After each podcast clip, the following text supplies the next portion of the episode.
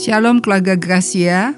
Pada kesempatan yang indah ini kita akan kembali merenungkan akan firman Tuhan karena kita tahu bahwa hidup manusia bukan hanya memerlukan makanan jasmani saja, tetapi kita membutuhkan makanan rohani yaitu firman Tuhan. Sebelum kita membaca dan merenungkan firman Tuhan, mari kita berdoa. Bapa kami yang ada di surga, kami bersyukur untuk hari ini kesempatan yang masih Engkau berikan untuk kami merenungkan firman Tuhan. Siapkan hati kami Tuhan, bawalah kami berjalan di dalam roh dan kebenaran.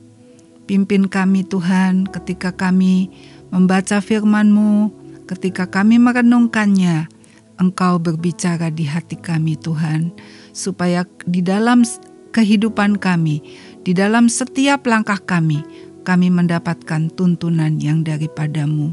Karena kami percaya hanya bersama Engkau kami akan bisa sampai kepada destiny kami. Terima kasih Bapa, ampuni semua dosa dan kesalahan kami.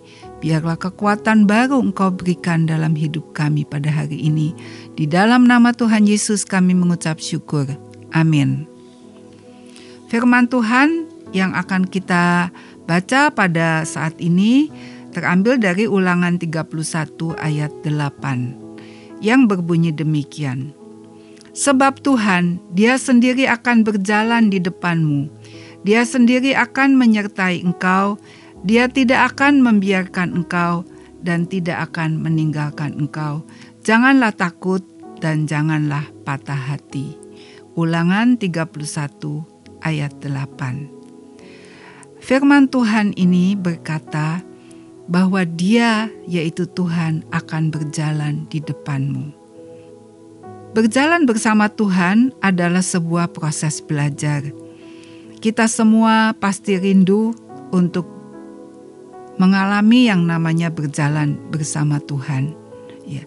Tetapi itu memang tidak mudah dan kita harus mau belajar. Apa yang kita sudah ketahui marilah kita belajar melangkah seberapa yang kita sudah tahu. Dan ketika kita akan melangkah, maka Tuhan akan membukakan hal-hal yang baru. Memasuki tahap yang baru di dalam kehidupan itu memang tidak mudah. Banyak pertanyaan yang sering kali timbul di dalam hati kita, apa yang akan terjadi di dalam masa depan kita. Tetapi kalau kita punya hati yang siap untuk belajar hal-hal yang baru, maka kita akan melihat bahwa bersama Tuhan kita akan mengalami hal-hal yang indah, hal-hal yang belum pernah kita alami akan kita alami. Saat ini mungkin keluarga Gracia, para pendengar sedang memasuki semester yang baru di dalam sekolah atau kuliah. Kita juga memasuki tahun yang baru yaitu tahun 2022. Mungkin ada yang baru memasuki hidup yang baru atau pernikahan atau menjalani pekerjaan yang baru atau pertama kali masuk di dunia kerja. Kita pasti akan menghadapi situasi dan kondisi yang belum pernah kita alami. Bagaimanakah kita harus menjalani kehidupan yang penuh dengan tanda tanya ini? Tidak ada yang lebih indah daripada kalau kita berpegang kepada janji-janji Tuhan, berpegang kepada firman-Nya. Seperti ayat yang tadi kita sudah baca, bahwa Tuhan dia sendiri akan berjalan di depanmu. Artinya, Tuhan itu akan mendahului kita Tuhan akan mendahului kita. Ada kata-kata mutiara yang indah di dalam bahasa Inggris yang mengatakan, "Don't be afraid of tomorrow, because Jesus is already there." Jadi jangan takut menghadapi masa depan karena Tuhan Yesus sudah ada di sana. Tuhan mendahului kita itu adalah sesuai dengan firman-Nya. Contohnya, kalau ada sebuah keluarga yang hendak pindah ke kota lain, maka biasanya sang ayah itu akan mendahului keluarga itu untuk pindah ke kota yang baru itu. Di sana, sang ayah mempersiapkan rumah, tempat tinggal, dan segala sesuatu yang dibutuhkan oleh keluarganya. Demikian juga dengan Tuhan. Dia adalah Bapak dalam hidup kita. Dia akan menyediakan segala sesuatu apa yang kita butuhkan di masa depan kita. Dan Tuhan juga berjanji bahwa Dia adalah Immanuel, Tuhan yang menyertai kita. Dia sendiri yang mengatakan bahwa namanya adalah Immanuel. Kata-kata itu sering kita nyanyikan pada waktu hari Natal, bukan? Kita menyanyikan dia adalah Immanuel. Artinya Tuhan beserta dengan kita. Tuhan menyertai kita bukan hanya di dalam musim Natal, tetapi juga di dalam kehidupan kita sehari-hari dia berjanji akan selalu menyertai kita. Karena itu, sekalipun Tuhan mendahului kita di masa yang akan datang, tetapi Dia juga ada beserta dengan kita di masa sekarang. Dia tidak akan membiarkan kita dalam kekurangan, walaupun sering kali kita khawatir. Ya, kita belum di dalam keadaan kurang, tapi kita sudah suka khawatir apalagi kalau kita sedang merasa sendiri, kita sedang merasa ditinggalkan oleh orang-orang yang kita kasihi, sering kali kita jadi seperti kehilangan pegangan. Tetapi inilah saatnya kita kembali kepada janji Tuhan bahwa Dia berjanji tidak akan membiarkan kita dan tidak akan meninggalkan kita. Sesuai dengan Ibrani 13 ayat 5 bagian B, karena Allah telah berfirman, aku sekali-kali tidak akan membiarkan engkau, dan aku sekali-kali tidak akan meninggalkan engkau. Itulah janji firman Tuhan yang harus kita pegang. Sehingga Tuhan juga berkata, supaya kita jangan takut dan jangan patah hati. Ya, karena perasaan takut itu sama sekali tidak menguntungkan kita. Rasa patah hati itu sangat merugikan iman kita. Iman kita itu jadi tidak bisa utuh. Iman kita itu terkontaminasi dengan kekhawatiran, dengan ketakutan. Jadi, jangan izinkan hal-hal yang negatif itu merugikan iman kita. Marilah kita belajar punya iman yang teguh, iman yang murni, sehingga hidup kita berkenan kepada Tuhan.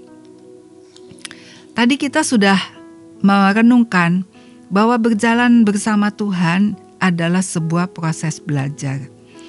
Apa saja yang harus kita pelajari di dalam berjalan bersama Tuhan? Yang paling penting adalah kita harus mengerti apa yang menjadi kehendak Tuhan buat hidup kita. Seringkali di, dalam perjalanan hidup kita, kita mau untuk mengerti kehendak Tuhan, tapi ternyata hal itu tidak mudah. Karena memang ada banyak penghalang-penghalang dalam pikiran kita. Jadi yang perlu kita lakukan adalah kita menanggalkan pikiran kita sendiri. Menanggalkan konsep-konsep dunia, cara berpikir dunia itu yang harus kita tanggalkan. Kita belajar menerima pikiran Kristus ada di dalam pikiran kita. Kemudian kita juga harus belajar melepaskan keraguan-raguan di dalam diri kita. Sering kali kita merasa ragu. Bagaimana ya kalau saya nanti tidak berhasil? Bagaimana ya kalau saya nanti tidak bisa, tidak mampu? Seringkali keraguan-raguan itu timbul. Bagaimana kalau nanti Tuhan ternyata tidak menolong seperti yang saya pikirkan atau saya inginkan, ya.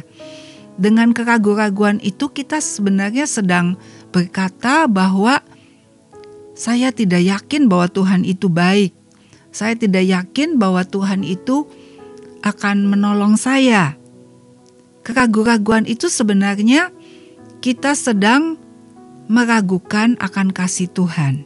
Jadi kita harus belajar membuang keraguan-raguan yang ada dalam diri kita dengan cara berpegang pada firman Tuhan. Firman Tuhan sendiri mengatakan bahwa hati yang bimbang itu seperti gelombang laut yang ditiup angin ke sana kemari. Dan orang yang seperti itu janganlah berharap bahwa doanya itu akan dikabulkan. Ya, jadi keraguan-keraguan itu sangat merugikan kita. Jadi kita harus buang dan kita gantikan dengan firman Tuhan. Percaya bahwa Tuhan itu baik, percaya bahwa Tuhan itu tidak akan meninggalkan kita. Percaya bahwa Tuhan itu tidak akan membiarkan kita berjalan sendiri. Tapi Dia adalah Immanuel yang menyertai kita.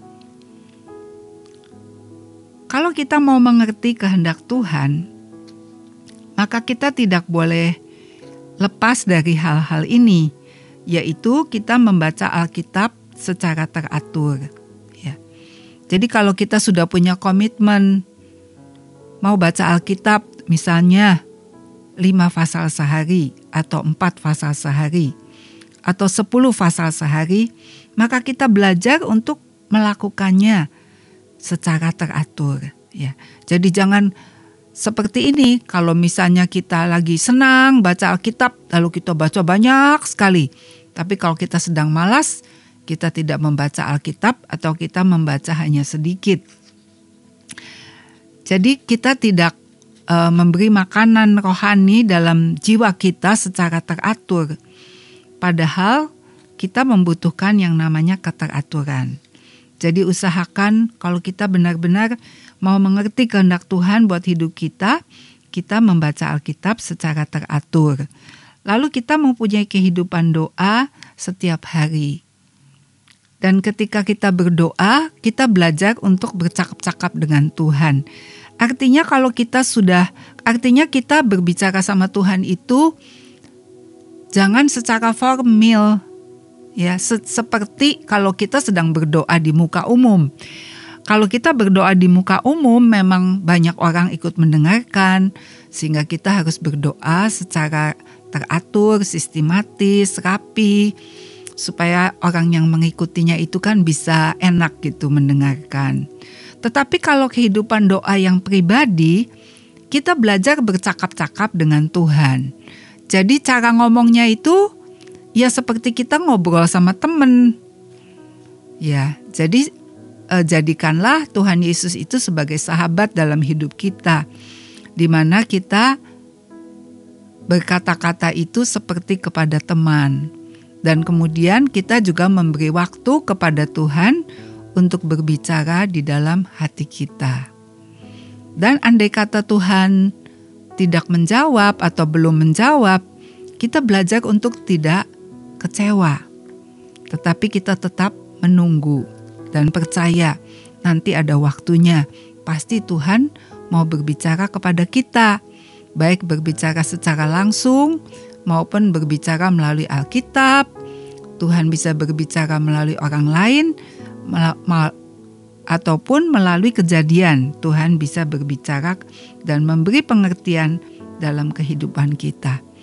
Tapi kita mesti belajar gitu dan berlatih untuk bercakap-cakap dengan Tuhan sehingga kita bisa merasakan bahwa Tuhan adalah sahabat dalam hidup kita. Lalu di dalam kehidupan kita sehari-hari ketika kita sedang melakukan aktivitas kita, kita juga belajar mendengar suara Roh Kudus. Mungkin kita sedang uh, duduk di angkot atau kita sedang duduk di sebuah kendaraan. Tiba-tiba ada suara yang keluar dari hati kita. Ya. Suara itu belum pernah terlintas dalam pikiran kita, belum pernah ada di dalam pikiran kita, tetapi tiba-tiba suara itu muncul dengan sendirinya. Dan suara itu tidak bertentangan dengan firman Tuhan. Maka kita bisa tahu bahwa itu adalah suara Roh Kudus. Ya. Lalu hal yang harus kita pelajari di dalam kehidupan kita dipimpin oleh Tuhan, kita mesti belajar uh, taat dalam hal-hal yang kecil Misalnya hal yang kecil, hal yang sepele, seperti melakukan apa yang menjadi tugas kita. Misalnya kalau kita adalah seorang siswa di sekolah, maka kita harus melakukan tugas-tugas kita. Itu adalah salah satu ketaatan kita kepada Tuhan. Jangan kita menganggap bahwa ketaatan kepada Tuhan itu hanya perkara-perkara yang rohani saja. Tetapi ketika kita sekolah, ketika kita bekerja di dunia sekuler, ketika kita melakukan hal-hal yang baik, maka kita sedang taat kepada hal-hal yang sepele, hal-hal yang kecil. Dan dengan ketaatan yang kecil itu, maka Tuhan akan memimpin hidup kita. Saat kita menghadapi keputusan-keputusan yang penting, maka kita akan dipimpin. Tuhan tidak akan membiarkan kita dia akan menolong kita. Kalau hal-hal yang kecil ini tidak kita lakukan dan kita anggap, ah kalau yang kecil sih nggak apa-apa, udahlah gitu ya. Kalau memang kehidupan kita seperti itu, kita tidak melakukan hal-hal yang kecil, maka kita harus bertobat. Kita harus berubah untuk kita setia melakukan hal-hal yang kecil. Maka Tuhan akan memberitahukan kepada kita hal-hal yang lebih besar. Dan Tuhan akan memberitahukan kepada kita keputusan apa yang harus kita ambil. Misalnya, kalau kita harus mengambil keputusan, mengambil jurusan sekolah, atau kita harus memilih pekerjaan, atau kita harus menerima pelayanan atau tidak, Tuhan akan memberitahukan ketika kita setia dalam perkara-perkara yang kecil. Tetapi kalau kita tidak taat dalam hal yang kecil, maka kita tidak bisa taat dalam hal yang besar. Hal-hal kecil yang lain yang uh, sering kali terjadi misalnya kalau kita belanja. Kan kita mendapatkan kembalian uang belanjanya itu lebih dari seharusnya. Bagaimana sikap dan keputusan kita? Apakah kita mau mengembalikan kelebihan yang bukan merupakan jatah kita, atau kita menganggap, wah kebetulan nih ada uang lebih gitu. Kan bukan salah saya, ini salah dia gitu. Nah, hal-hal seperti itu adalah hal-hal kecil yang harus kita taati, yang harus kita melakukannya di dalam kebenaran. Ya, ada seseorang yang makan di rumah makan. Ketika dia pulang di mobilnya dia baru sadar bahwa ada makanan yang belum masuk di dalam pembayaran. Tetapi ternyata dia sudah jauh gitu dari rumah makan itu. Dan memang rumah makan itu juga terletak di luar kota. Sehingga dia berpikir apa yang harus dia lakukan. Akhirnya dia mengambil keputusan nanti suatu saat kalau saya makan kembali di rumah makan itu saya akan membayar dan itu memang dilakukannya ya. Itu ada hal-hal yang sepele yang kalau misalnya orang itu tidak bilang sama yang punya rumah makan pun yang punya rumah makan itu tidak tahu bahwa ada yang belum dibayar.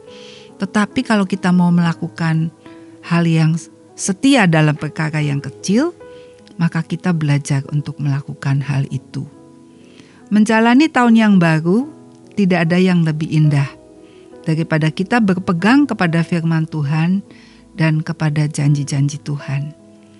Karena Tuhan sudah berjanji dia akan mendahului kita. Dan kita akan melihat ke mana Tuhan membawa kita. Seperti bangsa Israel ketika memasuki uh, tanah Kanaan, sampailah bangsa Israel itu di sebuah tempat dekat Yeriko. Dan ketika sampai di tempat itu, Tuhan berkata demikian di dalam Yosua 3 ayat 2 sampai 4. Setelah lewat tiga hari, para pengatur pasukan menjalani seluruh perkemahan dan memberi perintah kepada bangsa itu katanya, segera sesudah kamu melihat tabut perjanjian Allahmu, yang diangkat para imam yang memang suku Lewi, maka kamu harus juga berangkat dari tempatmu dan mengikutinya. Hanya antara kamu dan tabut itu harus ada jarak, kira-kira 2000 hasta panjangnya, dan janganlah mendekatinya.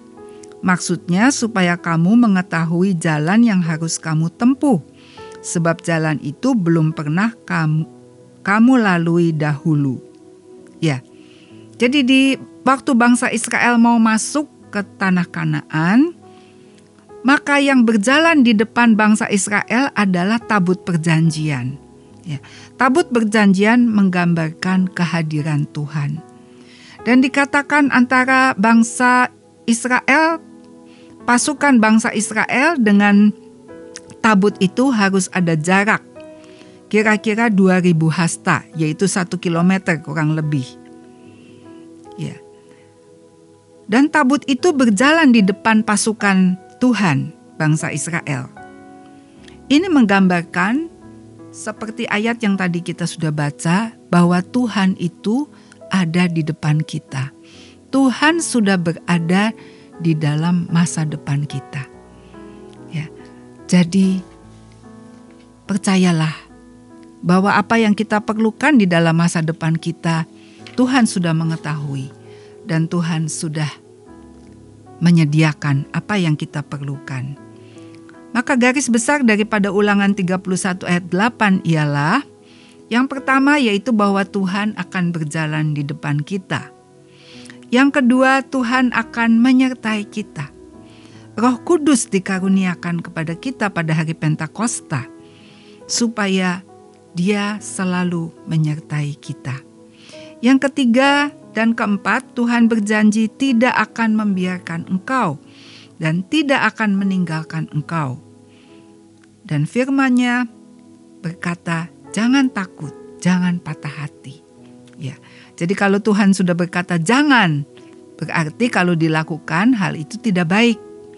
Ya, jadi kita belajar kalau kita takut, kita bilang Tuhan, saat ini aku kebaskan dalam nama Yesus segala ketakutan, segala kekecewaan, segala keraguan-raguan, aku kebaskan dalam nama Yesus. Dan aku terima engkau adalah Immanuel Tuhan beserta dengan aku. Ya, Itulah yang harus kita pegang di dalam menjalani tahun 2022.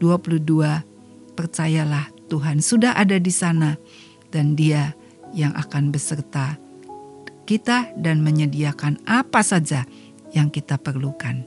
Amin. Mari kita berdoa.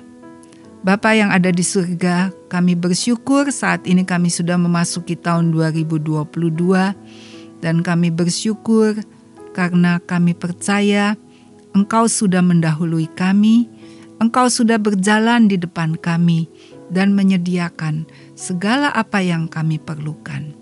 Bapa, biarlah kami belajar untuk mentaati Engkau di dalam perkara-perkara yang kecil dan sederhana, sehingga di dalam perkara yang besar, Engkau yang akan mengatur setiap langkah hidup kami, Engkau mengatur jalan-jalan kami, dan seluruh keputusan kami semuanya ada di dalam genggaman tanganmu.